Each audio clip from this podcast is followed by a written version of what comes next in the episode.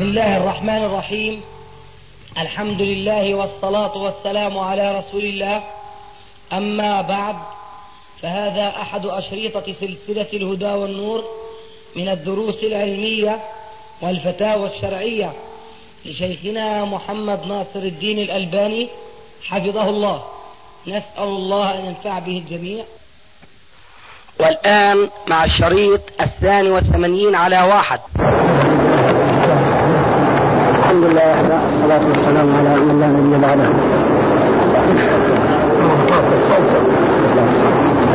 أما بعد يقول الله تبارك وتعالى وتعاونوا على البر والتقوى ولا تعاونوا على الإثم والعدوان أول نشكر الله تبارك وتعالى على جمعني على جمعنا بهذا الشيخ نصر الدين جزاه الله خير. وهذه نية كل يعني سلفي في السودان أن يقابلك وأن يسمعك. وقبل أن يعني ندخل في بعض الأسئلة نريد أن نوجه لك يعني يعني إن شاء الله أن تأتينا زيارة في السودان حتى إن شاء الله نستفيد جميعا وتفيد العام إن شاء الله. فأول سؤال إذا لدي محل تجاري فأردت أن أجعله وقف لله للدعوة والدعاء فما حكم الشرع, الشرع في ذلك؟ علما أن لدي أهل وليس لدي أولاد. بعد الموت الذي يبدو لي والله أعلم أن المسألة لا يدار عليها وإنما الأمر كما قال عليه السلام إنما الأعمال بالنيات. فإذا كان ليس المقصود من هذا الوقف هو تحريم الوارث هذا عمل خيري يجوز. أما إذا كان المقصود من وراء ذلك هو منع حق الميراث للوارث هذا يكون وقفا جائزا كالوصية جائزة كما هو معروف عند دخول مطار من المطارات هنالك يعني بعدها تأخذ جمارك أو جمرك فإذا لم أدفع هذا الجمرك بطريقة معينة مثلا. إذا أستطيع أو أعطي رجل الجمرك مبلغ أو أعطي رجل الجمرك مبلغ بسيط حتى لا يأخذ مني الجمرك على بضاعته. فما هو الحكم؟ لا شك أن الوجهة الإسلامية أن النفوس إنما هي ضرائب غير جائزة شرعا وهي من ضمن القوانين الجائزة في هذا الزمان. تمكن المسلم من التخلص منها بطريقة لا يلحق الدعوة أو الدعاة شيء من اللوم والمؤاخذة والتهمة لدينهم فلا بأس من ذلك. أما أن يرشى الموظف الجمركي رشوة في سبيل أن يتخلص من المكسب الذي هو أكبر قيمة من الرشوة فهذا لا نراه جائزا لأن في ذلك تعويلا لهؤلاء الموظفين على ارتكاب ما حرم الله. واضح الجواب؟ إذا تمكن من الخلاص من الجمرك بدون رشوة وبدون أن يصاب المسلم بطعن في دينه وفي عرضه فهو جائز. أما أن يعطي رشوة فكما تعلمون لعن الله الراشي المرتشي طيب ما حكم دراستي في جامعة المسقطة وأنا شاب سلفي ملتزم؟ لا لا يجتمع عليه مثلا لا يجتمع الالتزام مع الاختلاط. فلا نرى هذه الدراسة جائزة.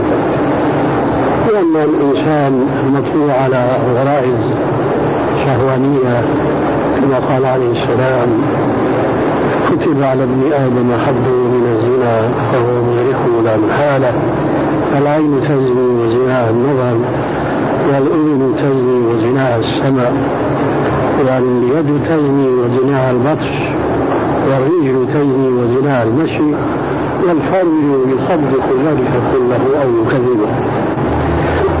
ولا شك أن هذه الوسائل وهذه المقدمات للفاحشة الكبرى هي نهى مما نهى الرسول عليه السلام عنها سدا للذريعة من أجل ذلك كان من البلاغة القرآنية أن الله عز وجل قال ولا تقربوا الزنا إنه كان فاحشة وساء سبيلا لا قال لا تزنوا وإنما قال لا تقربوا.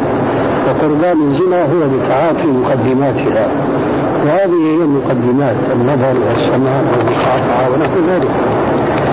والشاب المسلم الملتزم حينما يدخل في الجامعة فسوف لا يخرج منها كما دخلها. لا بد أن يصاب بشيء من رشاشها. إن لم يقع في الفاحشة الكبرى فلا بد أنه تلوث خلقه بشيء من المخالطة التي لا تفسد نعم. طبعا الشيخ العكس صحيح كذلك. نعم. طبعا العكس صحيح بالنسبة للشاب كذلك. ما فهمت. طبعا العكس صحيح طبعا السائل الشاب كذلك. أيضا إذا شاب طبعا وكذلك إنما النساء شقائق الرجال الملكه في السودان كل جماعات مختلفة. حتى هل من الجامعة الإسلامية؟ الشرعية؟ من الجامعة الإسلامية. أيضا. حسبنا هذا.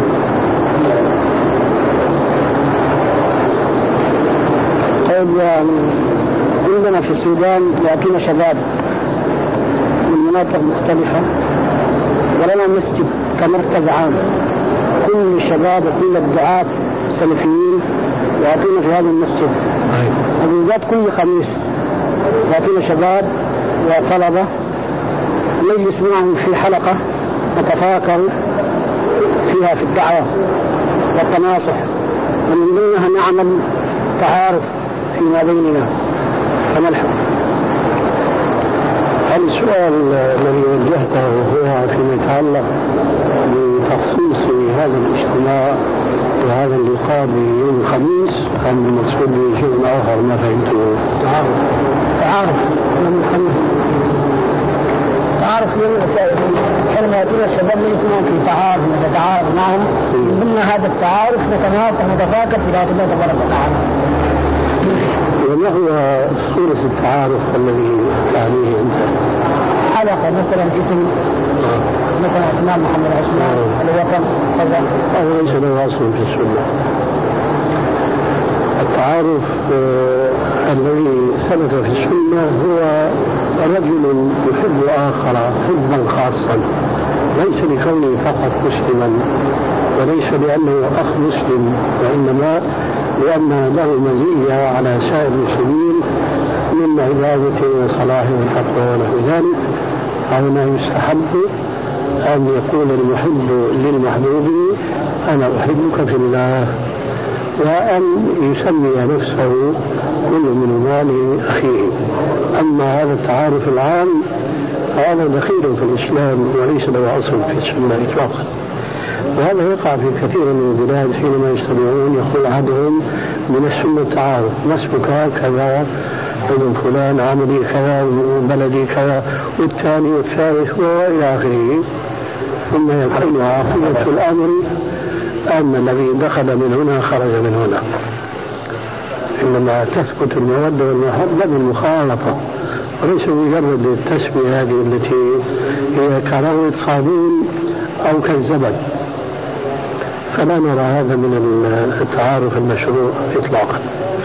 لكن حينما توجد المخالطة والموادة والمصاحبة فهي التي تمكن كل إنسان من صاحبه حبا ومودة.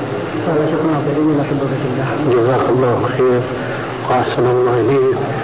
وجعلنا جعل حبنا لله حبا خالصا مشروطا بالتناصح في دين الله.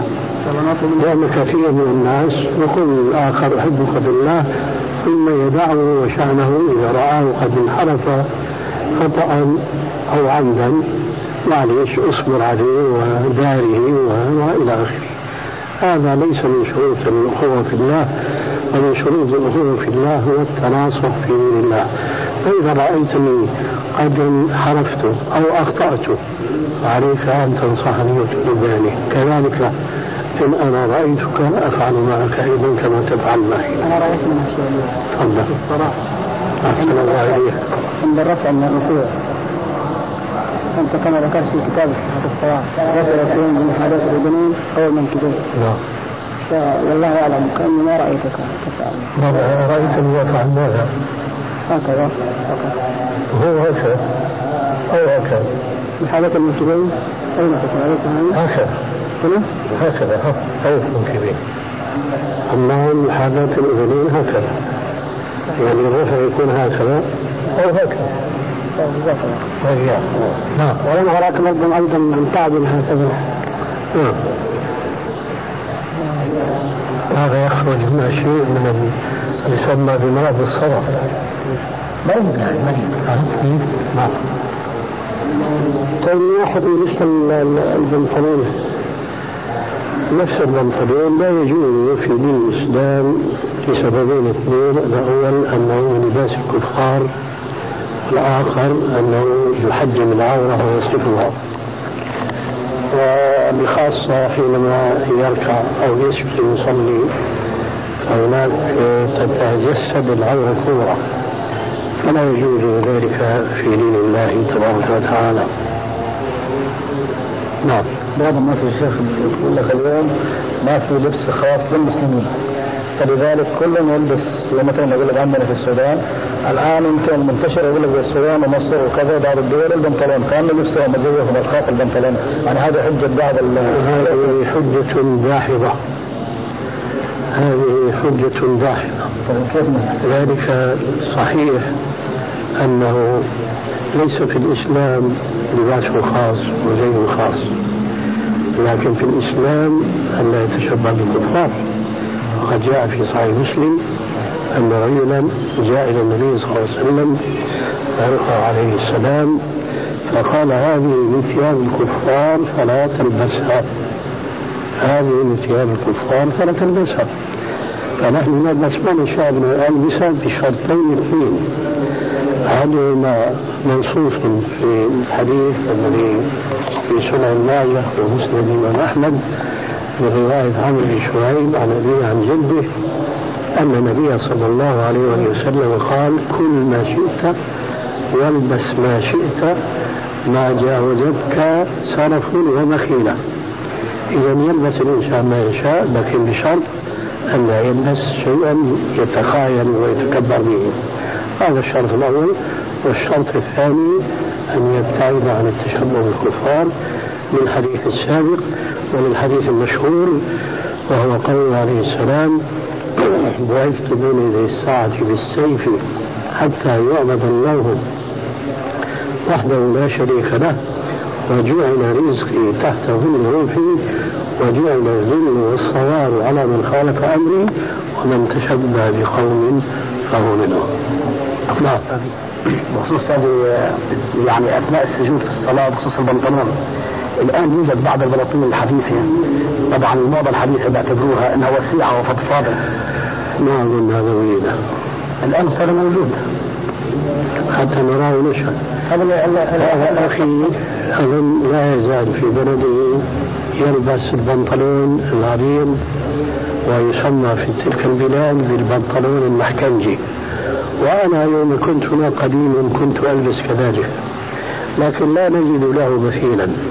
أنت تقول هذا وجد أين وجد مثلا في الأردن أنت رأيته؟ أي نعم. بس هذا طبعا شغل موضة يكون جاء الخط جيد. أما مثلا من هون من عند مثلا الورك يكون عريض واسع والفخذ يكون عريض واسع. لا الله كل حال هذا أنا رايت بعض النسوة الآن يلبسن مثل هذا اللباس. أي نعم. حينما نراه نحكم عليه. بس يقول لك موضة يعني هذا آخر يسموه بعضهم هذا هذا صحيح. هذا هذا صحيح. نعم هذه الملاحظة لابد منها. لكن كان البحث من حيث التحجيم البحث. يعني إذا افترضنا لباسين اثنين. كلاهما من لباس الكفار. أحدهما واسع فضفاض والآخر ضيق. فيكون هذا الآخر شر من الأول. الأول لا يحجم فذهب شر تحليله بقي ماذا؟ شر التشبه. وإن كان هو التشبه متحقق هنا فيبتعد عنه أيضا. كمثل مثلا لباس الراهبات. الراهبات النصرانيات يلبسن لباسا فضفاضا لا يجوز للمرأة والشباب أن تلبس مثل هذا اللباس. ابتعادا عن تشبه ولذلك قلنا في في كتاب حجاب المرأة المسلمة أن شروط هذا الحجاب ثمانية منها ألا يشبه لباس الكفار. نعم. يكاد الوقت ينتهي. أعتبر لها فرصة. نص العيون السوداء. العيون السوداء. السوداء. نعم. ليس هناك يعني نص في كراهة لون للباس ما لكن هناك حد على البياض في الحديث المعروف ألا وهو قوله صلى الله عليه وسلم خير ثيابكم البياض فألبسوها أحياءكم وكفنوا فيها موتاكم. فإذا لبس المسلم البياض فهو الأفضل لكن ذلك ليس بالأمر الواجب اللازم. فله أن يلبس كما سمعتم في الحديث السابق كل ما شئت والبس ما شئت ما جاوزت آثاره وخيلا لكن إذا اتخذ المسلم لباسا خاصا من باب الشهرة فقد الشهرة. كما قال عليه السلام من لبس لباس شهرة ألبسه الله لباس مظلة يوم القيامة. فإذا تفرد شخص ما بلباس معين ما وليكن كما ضربت مثلا العمامة السوداء هو ليظهر بين الناس وللشهرة فمن هذه الحيثية لا يجوز. أما كلون فالإنسان يلبس ما يشاء. واضح الجواب إن شاء الله. هنا علامتان علامتان الحمراء والبيضاء خير ثيابكم بياض طيب تمكن علامتان الإمامة ما يعم الرأس. ما ما يعم الرأس يعني تعم الرأس؟ تعم الرأس. إذا فردها لا هي عام الرأس من فوق. فإذا دلاها عمت أكثر هي تدلى إيه تتطور أيضا هي نفسها. أنا بتطوع ما طلعين أنت من هذا هذا من هذه أما ما ما بتعمل الرأس هي على وضعها الآن ما يفهم لكن يعني بفدها يعني أنا بدي حاسب الناس لكن بقول هذه العمامة تعم الرأس. أما هو ما الذي يفعل؟ لعل لعل أخي هذا يعني أن العمامة التي يلبسها العلماء هذه العمامة ليس لها أصل في الشريعة. يعني يعني أن يتميز العلماء بعمامة خاصة على سائر الناس هذا ليس من السنة في شيء. فإذا كان يقصد هذا فهذا كلام صحيح. نعم. غيره؟ أنا بقول هل لبس العمامة كأي عمامة بيضاء أو سوداء أو حمراء؟ هي عبادة؟ لا هي من سن العادة وليست من سنن العبادة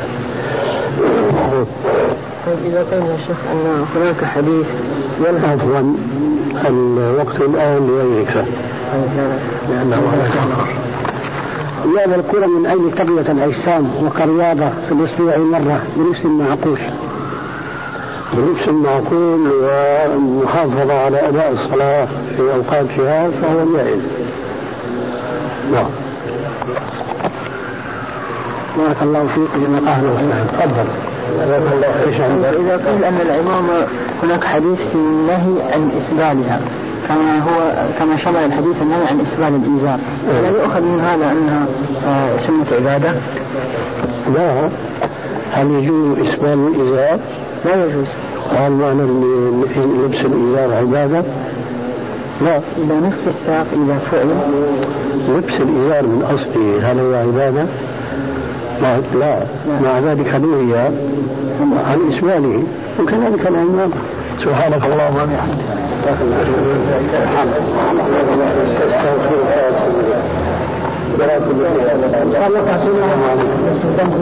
جزاكم الله خير أنا الان ما أقول من البلد الا لحجنا وعمره وشكر الله لكم وسلام إلى الجميع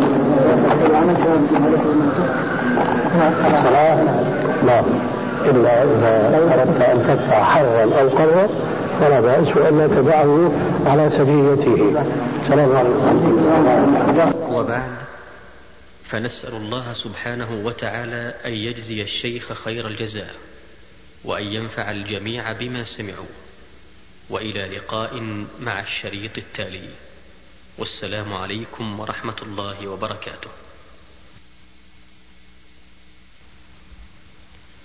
أيها الإخوة انتهت مادة هذا الشريط ولأنه بقي في الشريط متسع فيسرنا إكماله بهذه المادة. وعلى آله وصحبه أجمعين. القاعدة الخامسة أنه أول أول ما يدعون إليه التوحيد فلا تصلح عبادة ولا دعوة إلا لقوله تعالى وما أرسلنا من رسول إلا نوحي إليه أنه لا إله إلا أنا فاعبدون. وقوله ولو أشركوا لحبط عنهم ما كانوا يعملون. وقوله لئن أشركت ليحبطن عملك ولتكونن من الخاسرين. وعن ابن عباس رضي الله عنه أن رسول الله صلى الله عليه وآله وسلم لما بعث معاذا إلى اليمن قال له إنك تأتي قوما أهل كتاب فليكن أول ما تدعوهم إليه. شهادة أن لا إله إلا الله. الحديث رواه البخاري ومسلم. وكما بدأ النبي صلى الله عليه وآله وسلم دعوته بالتوحيد فقد ختمها بالتوحيد أيضا. عن عائشة رضي الله عنها قالت لما لما نزل برسول الله صلى الله عليه وآله وسلم طفق يطرح يطرح خميصة له على وجهه فإذا اغتم بها كشفها فقال وهو كذلك لعنة الله على اليهود والنصارى اتخذوا قبور أنبيائهم مساجد يحذر مما صنعوا ولولا ذلك لأبرز قبره. غير أنه خشي أن يتخذ مسجدا. رواه البخاري ومسلم. بسم الله الرحمن الرحيم. الحمد لله والصلاة والسلام على رسول الله وعلى آله وصحبه. وهذه القاعدة أيضا في بيان أول ما يبدأ به الدعاة إلى الله عز وجل. لا شك أنهم يبدأون بالأهم فالأهم والأساس. كانوا يبدأون دعوتهم بالدعوة إلى التوحيد يعني إلى إصلاح العقيدة. لأن العقيدة هي الأساس الذي تنبني عليه صحة بقية الأعمال. ومن المتقرر في العقول والفطر أنه أن أن كل بناء يبدأ بأساسه ويتقن أساسه أولا ثم يقام عليه البناء. فهذا شيء متقرر في العقول. كما هو الوارد في الشرع. فكان الرسل عليهم الصلاة والسلام أول ما يبدأون أممهم أنهم يدعونهم إلى التوحيد. كما ذكر الله سبحانه وتعالى عنهم في القرآن. ولقد بعثنا في كل أمة رسولا أن يعبدوا الله واجتنبوا الطاغوت. يلقي الروح من أمره على من يشاء من عباده. أن أنذروا أنه لا إله إلا أنا فاعبدون.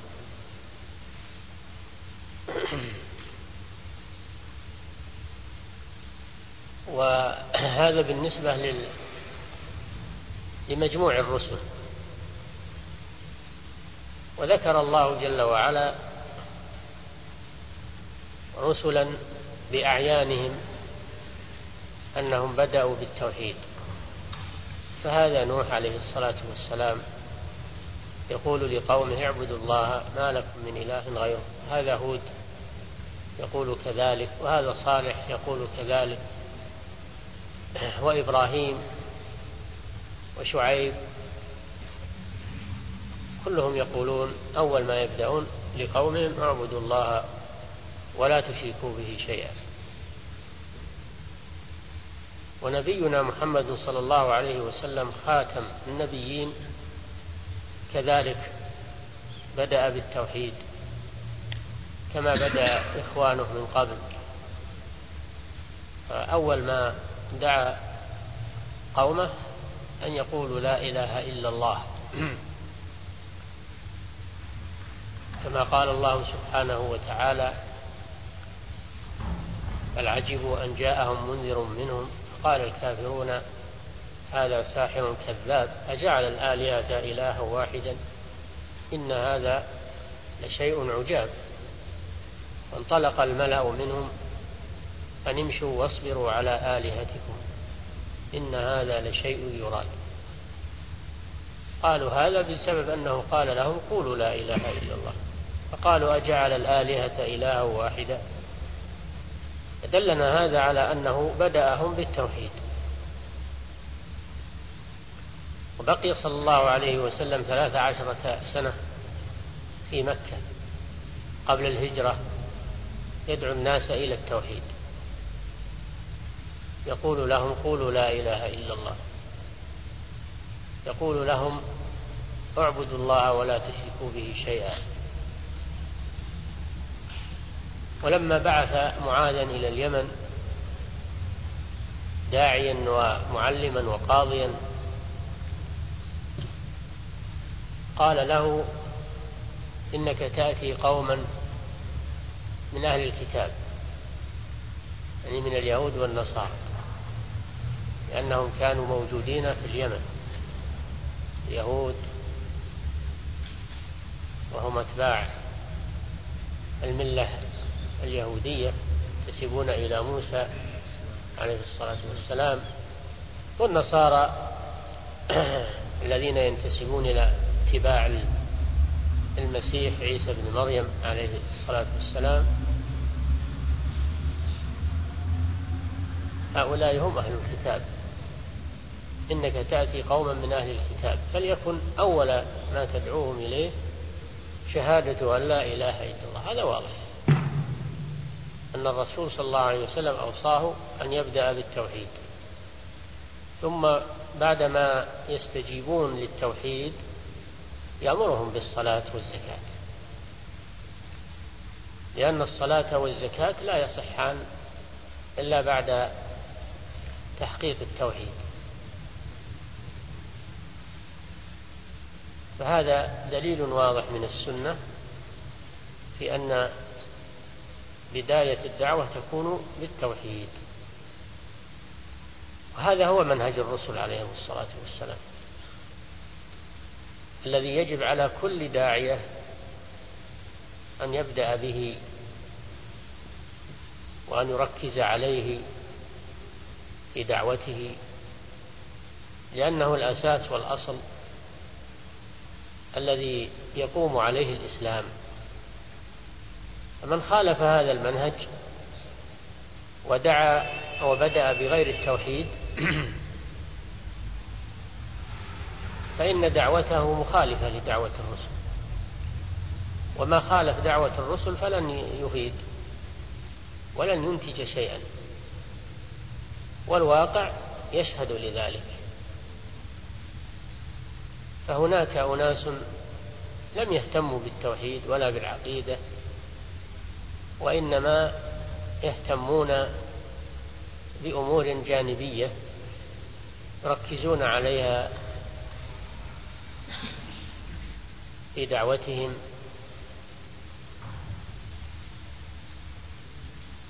ويبنون عليها دعوتهم.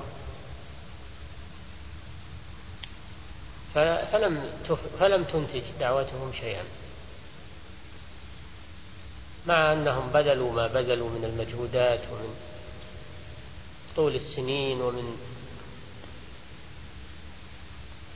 التعب الكثير ولكن لم تجدي دعوتهم شيئا ولم تنتج شيئا لأنهم لم يبدأوا بما بدأ به الرسل عليهم الصلاة والسلام. ولم يقيموا الأساس أولا حتى يصح أن يقام عليه بقية الأعمال. قال تعالى إن الله لا يغفر أن يشرك به ويغفر ما دون ذلك لمن يشاء. هذه الآية تدل على أن الشرك أعظم الذنوب وأن بقية الذنوب كلها دون الشرك. ومن الطبيعي أن أنه إنما يبدأ بالشيء الخطير. عند العلاج يبدأ بالشيء الخطير. ما يبدأ بالشيء اليسير وإنما يبدأ بالخطير الذي عليه الذي يترتب عليه الهلاك لو ترك.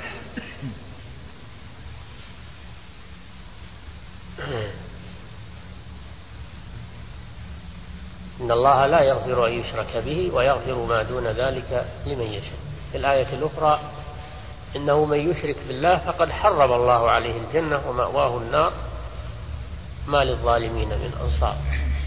فالمشرك حرام عليه الجنة بخلاف العاصي السارق والزاني وشارب الخمر ومرتكب الكبيرة هذا لا يحرم الله عليه الجنة.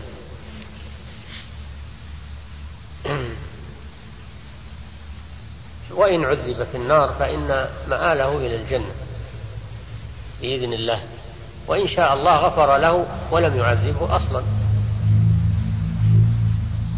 قد حرم الله عليه الجنة ومأواه النار. هذا هو ذنب الشرك. أما بقية الذنوب فإنها لا تحرم الجنة. بل إما أن يعفو الله عنه ويدخله الجنة برحمته وإما أن يعذبه بذنوبه ثم يخرجه من النار ويدخله الجنة. لا يخلد فيها وإن دخلها فهذا يدل على خطورة الشرك وإنما يبدأ بالخطر التحذير من الأمور الخطرة. والنصوص في هذا كثيرة من كتاب الله ومن سنة رسوله صلى الله عليه وسلم. هذه قاعدة عظيمة وهي البداية في الدعوة والأوليات في الدعوة كما يقولون الأوليات. فيجب على الدعاة أن يسيروا على هذا المنهج وأن يركزوا على التوحيد تحذير الناس من الشرك الأكبر والأصغر ومما يخل بالعقيدة. ثم يتجهون بعد ذلك إلى إصلاح بقية أمور الدين. إذا أقاموا الأساس بنوا عليه بقية الأمور. نعم. القاعدة السادسة أنهم يبدأون دعوتهم بدعوتهم فيما بما بدأ بما بدأ الله به ورسوله صلى الله عليه وآله وسلم. ويقدمون ما قدمه الله ورسوله صلى الله عليه وآله وسلم. ويؤخرون ما أخره الله ورسوله صلى الله عليه وآله وسلم. حتى حتى حتى تحصل حتى يمكن تحصيل المصالح ودرء المفاسد. لقوله تعالى وما أرسلناك إلا رحمة للعالمين. وعن يوسف بن ماهر قال إني عند عائشة أم المؤمنين رضي الله عنها. إذ جاءها عراقي فقال أي الكفن خير؟ قالت ويحك وما يضرك. قال يا أم المؤمنين أريني مصحفك قالت ولم قال لعلي أؤلف القرآن عليك فإنه يقرأ غير مؤلف. قالت وما يضرك أيه قرأت قبل؟ إنما أنزل ما أنزل من سورة إن أول ما أنزل من القرآن. من سور من سورة من المفصل فيها ذكر الجنة والنار حتى إذا ثاب الناس إلى الإسلام نزل الحلال والحرام. ولو نزل أول شيء لا تشرب الخمر لقالوا لا ندع الخمر أبدا. ولو نزل لا تزنوا لقالوا لا ندع الزنا أبدا. لقد نزل بمكة على محمد صلى الله عليه وآله وسلم. وإني لجارية ألعب بل الساعة موعدهم والساعة أدهى وأمر. وما نزلت سورة البقرة والنساء إلا وأنا عنده. رواه البخاري وفي صحيح مسلم من حديث جابر في صفة, في صفة الحج. أبدأ بما بدأ الله به. هذه القاعدة تابعة التي قبلها في أنه إذا كان الأساس والأصل والقاعدة هو التوحيد فإنه يبدأ بالأهم ويبدأ بالأساس. كما هي طريقة الرسل عليهم الصلاة والسلام. وفيها أيضا أن الدعوة تكون بالتدريج. تكون الدعوة بالتدريج. فيبدأ بالأهم ثم المهم وهكذا. أو تقول يبدأ بالأساس ثم يبدأ بالفرع بعده. كما أمر النبي صلى الله عليه وسلم معاذا أن يبدأ بالتوحيد ثم بالصلاة ثم الزكاة. فتكون الدعوة بالتدريج. وكما ذكرت أم المؤمنين عائشة أن النبي صلى الله عليه وسلم أول ما بدأ بالتوحيد ثم أتبعه بعد ذلك. أنزل الله عليه الحلال والحرام لما تقرر التوحيد. واستقرت الشريعة. ينزل الحلال والحرام وتفاصيل الأحكام. فإنه في مكة عليه الصلاة والسلام كان ينزل عليه القرآن بالتوحيد. ولذلك تجدون السور المكية تجدون السور المكية تشتمل على التوحيد. والسور المدنية في الغالب تشتمل على الأحكام تفاصيل الأحكام والحلال والحرام والمعاملات وغير ذلك. لأنه كان في مكة يدعو إلى التوحيد. ولما هاجر إلى المدينة ودخل الناس في دين الله وقامت دولة الإسلام في المدينة نزل الحلال والحرام. كما قال الله تعالى ثم آه قال الله سبحانه وتعالى ثم آتينا الكتاب ثم آتينا موسى الكتاب من بعد ما أهلكنا القرون الأولى. بصائر للناس. قال شيخ الإسلام ابن تيمية عند هذه الآية آه هذا فيه أن الشرائع إن, أن الأحكام إنما تنزل بعدما تتقرر الشرائع. تتقرر الشرائع. ثم آتينا موسى الكتاب من بعد ما أهلكنا القرون الأولى. لما أهلك الله فرعون وقومه واستقر استقرت دعوة موسى عليه الصلاة والسلام أنزل الله عليه الكتاب الذي هو التوراة.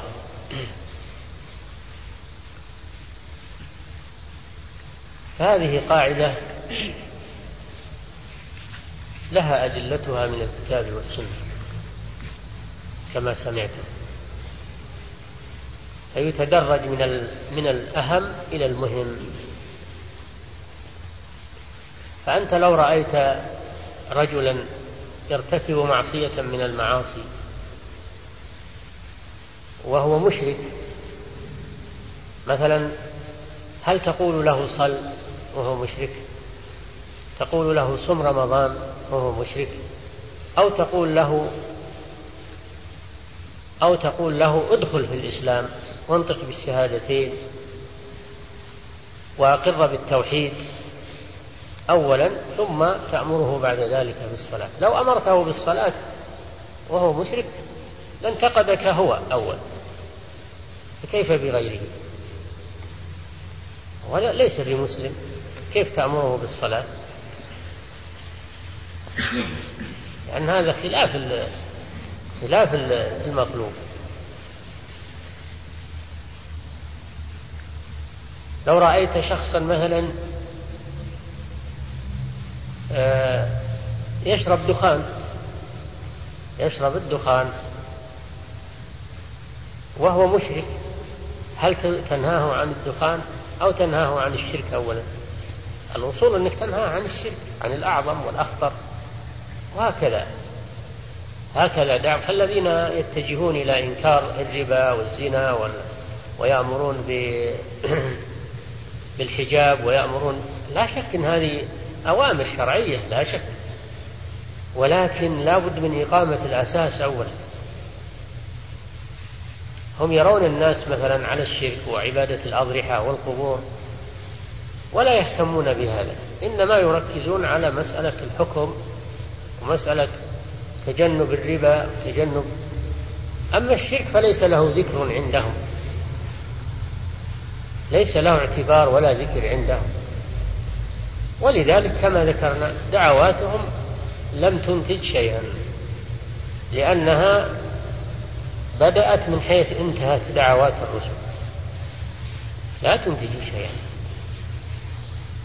مهما بذلوا مهما تكلفوا بينما نجد أن الدعاة الذين ساروا على منهج الرسل نجد ثمرات دعوتهم واضحة. الذين ساروا على منهج الرسل وبدأوا بالتوحيد واهتموا بالتوحيد وأتبعوه بالنهي عن بقية الذنوب والمعاصي نجد أن دعوتهم ناجحة مثمرة على مر العصور. خذ مثلا على سبيل المثال شيخ الإسلام ابن تيمية هو مشى على دعوة الرسل وبدأ بالتوحيد وإنكار الشرك فدعوته أثمرت وتثمر والناس الآن ولله الحمد يستفيدون من علمه ومن طريقته. خذ مثلا شيخ الإسلام محمد بن عبد الوهاب رحمه الله في هذه البلاد. أنتم الآن تعيشون تعيشون في ثمار دعوته. قامت هذه الدولة وهذه البلاد على هذه الدعوة المباركة. تتبى فيها الأمن وصلحت فيها العقيدة. وقامت عليها دولة إسلامية بكل معاني الكلمة ولا تزال ولله الحمد. كل هذا من ثمار السير على منهج الرسل عليهم الصلاة والسلام في الدعوة. نعم.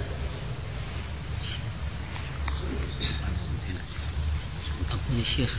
تقول انتهينا نعم.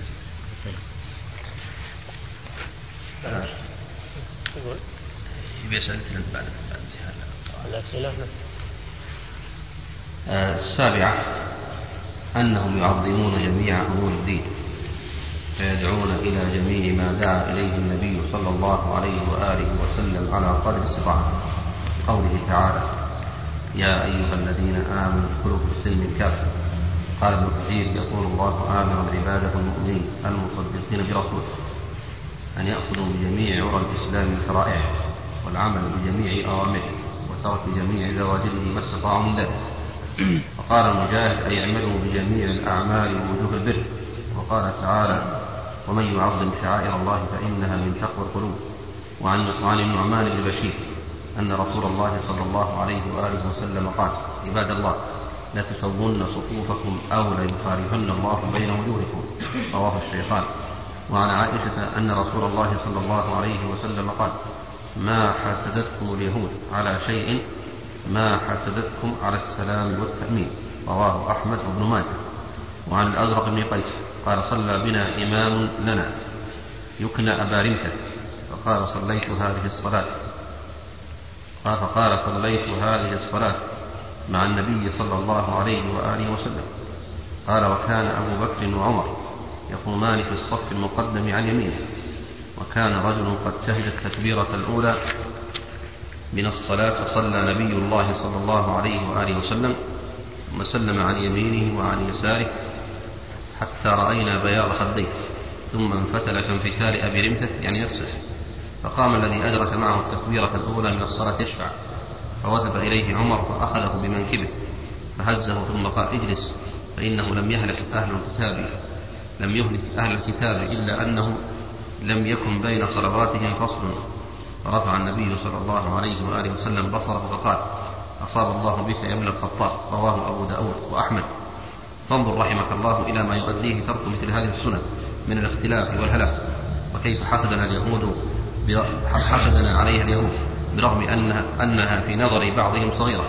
ولما قيل لسلمان رضي الله عنه قد علمكم نبيكم كل شيء حتى القراءة. قال أجل ولم ينكر عليه ذلك. رواه مسلم. هذه القاعدة تبين أنه ليس معنى قولنا أنه يبدأ بالتوحيد ويركز على التوحيد. ليس معناه أنه يتساهل في الأمور الأخرى من بقية الواجبات وترك المحرمات. ليس معنى هذا أن هذه المعاصي أنها أمر سهل فلا يتساهل في شأن المعاصي شأن المخالفات. كل المخالفات أمرها خطير. وإن كانت في أعين الناس أنها صغيرة أو أنها سهلة أو فليس معنى قولنا يبدأ بالأهم فالأهم أنه يتساهل في الأمور الأخرى. ولكن نقول يبدأ بالأهم فالأهم من أجل إقامة الأساس أولا الذي تبنى عليه بقية أمور الدين. هذا هو المقصود. وإلا فالذنوب كلها خطيرة كلها شر ويدعو بعضها إلى بعض. فلا يتساهل في في بقية المعاصي وبقية المخالفات أو بقية الأوامر والواجبات والطاعات.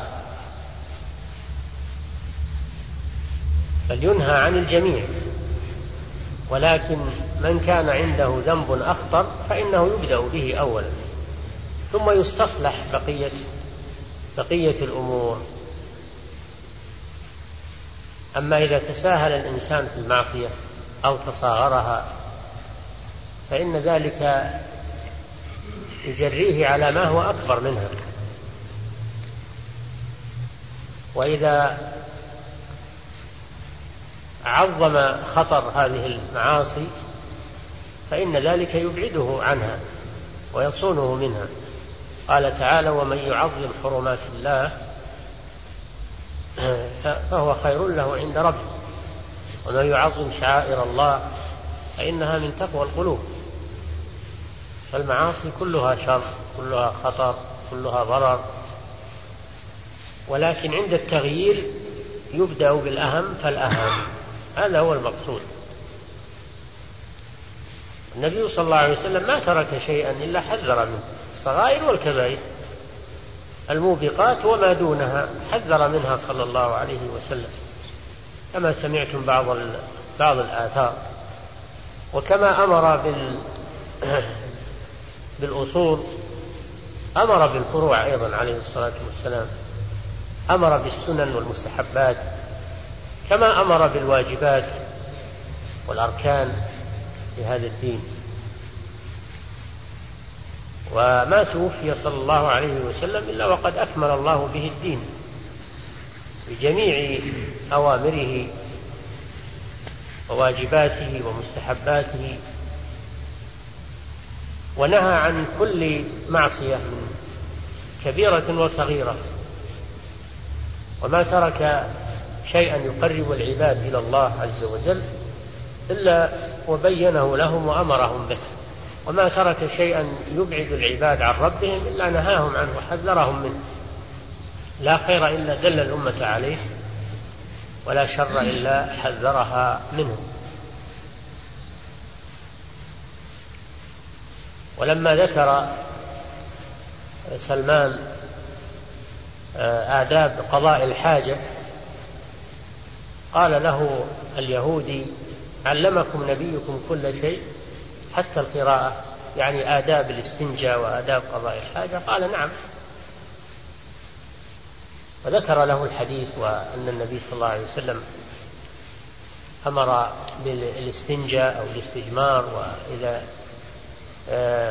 جلس على قضاء الحاجة أنه يعتمد على رجله اليسرى وإلى إلى غير ذلك من آداب التخلي. فما ترك صلى الله عليه وسلم شيئا فيه نفع للأمة إلا بينه لها وما ترك شيئا فيه ضرر على الأمة إلا بينه لها سواء كان كبيرا أو صغيرا.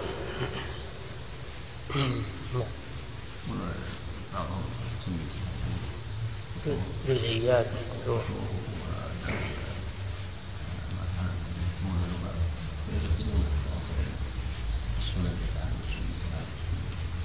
نعم اللي يسمي هذه الأوامر والنواهي يسميها جزئيات أو يسميها قشور أشد. اللي يسميها قشور هذا أشد. الجزئيات لا شك أن هذا لا تقليل من شأنها ولكن اللي يسميها قشور هذا أشد يخشى عليه من الردة لأن هذا معناه الاستهزاء بالدين وأن فيه قشور. الدين ليس فيه قشور. كل الدين ولله الحمد كله لب خالص ونفع خالص ليس فيه قشور. الذي يسمي بعض الأوامر أو بعض النواهي قشورا وهو قد صح عن النبي صلى الله عليه وسلم يخشى عليه من الردة. ولكن لعله يعذر بالجهل. لعله يعذر بالجهل. وكيف يكون داعية وهو جاهل؟ وإلا لو لم يعذر بالجهل لقيل إن هذا ردة. لأن السخرية بشيء مما جاء به الرسول صلى الله عليه وسلم. حتى ولو كان مستحبا السخرية بذلك تكون ردة عن دين الإسلام. قل أب الله وآياته ورسوله كنتم تستهزئون. لا تعتذروا. قد كفرتم بعد إيمانكم. فلو سخر أحد من من السواك من سنة السواك فصار مرتدا. لو سخر أحد من إعفاء اللحى الذي أمر به النبي صلى الله عليه وسلم ويقولون الدين ما هو بالصوف ما هو بالشعر هذه هذه ردة عن دين الإسلام. إلا إن كان جاهلا لا يدري فهو يعذر بجهله لكن إذا كان متعمدا فهذا يعتبر ردة عند أهل العلم. الأمر خطير جدا وليس في الدين قشور ولباب. الدين كله لباب ولله الحمد. لا شك في هذا. جميع أوامر الدين كلها تحترم وتعظم ولا يحتقر شيء منها أو يستهزأ بشيء منها. نعم. السابعة القاعدة السابعة. الثامنة أنهم لا يعارضون النصوص بعقولهم ولا بأهوائهم ولا بأذواقهم ولا بقول رجال مثلهم. لقوله تعالى فلذلك فادع واستقم كما أمرت. ولا تتبع أهواءهم وقل آمنت بما أنزل الله من كتاب. وقوله فاستقم كما أمرت ومن تاب معك ولا تطغوا. وقوله فلا وربك لا يؤمنون حتى يحكموك فيما شجر بينهم ثم لا يجدوا في أنفسهم حرجا مما قضيت ويسلموا تسليما. وعن عبد الله بن عمرو رضي الله عنهما قال سمعت النبي صلى الله عليه وآله وسلم يقول إن الله لا ينزع العلم بعد أن أعطاكموه انتزاعا ولكن ينتزعه منهم مع قبض العلماء بعلمهم فيبقى أناس جهال يستفتون فيفتون برأيهم فيضلون فيضلون ويضلون. رواه البخاري ومسلم واللفظ للبخاري. وعن علي موقوفا لو كان الدين بالرأي لكان أكثر الكفر أولى بالمسح من أعلاه. رواه أبو داود. وفي الصحيحين عن أبي هريرة أنه قال اقتتلت امرأتان من هذيل فرمت إحداهن الأخرى بحجر فقتلتها وما في بطنها. وما في بطنها. فاختصموا إلى رسول الله صلى الله عليه وآله وسلم فقضى رسول الله صلى الله عليه وسلم بدية المرأة على عاقلتها وورثها ولدها ومن معه. فقال حمل بن نابغة الهذري يا رسول الله كيف أغرم من لا شرب ولا أكل ولا نطق ولا استهل فمثل ذلك يطل. فقال رسول الله صلى الله عليه وآله وسلم إنما هذا من إخوان الكهان من أجل سجله الذي سجد نعم. وهذه القاعدة أيضا في أن المسلم يجب عليه التسليم. يجب عليه التسليم للدليل من كتاب الله وسنة رسوله صلى الله عليه وسلم. ولا يتدخل بعقله ويقدم عقله على الدليل. قال الله سبحانه وتعالى فلا وربك لا يؤمنون حتى يحكموك فيما شجر بينهم ثم لا يجدوا في أنفسهم حرجا مما قضيت ويسلموا تسليما. تسليم والانقياد لما قال الله وقال رسوله أمر واجب وهو مقتضى الإيمان. وهذا هو معنى الإسلام. الإسلام معناه الاستسلام لله بالتوحيد والانقياد له بالطاعة والخلوص من الشرك وأهله. الاستسلام والتسليم والإذعان لما قاله الله وقاله رسوله صلى الله عليه وسلم. يا أيها الذين آمنوا لا تقدموا بين يدي الله ورسوله. اتقوا الله إن الله سميع عليم. فالمسلم يستسلم لأوامر الله ونواهيه ولا يعترض بعقله أو يقول هذا حديث يخالف العقل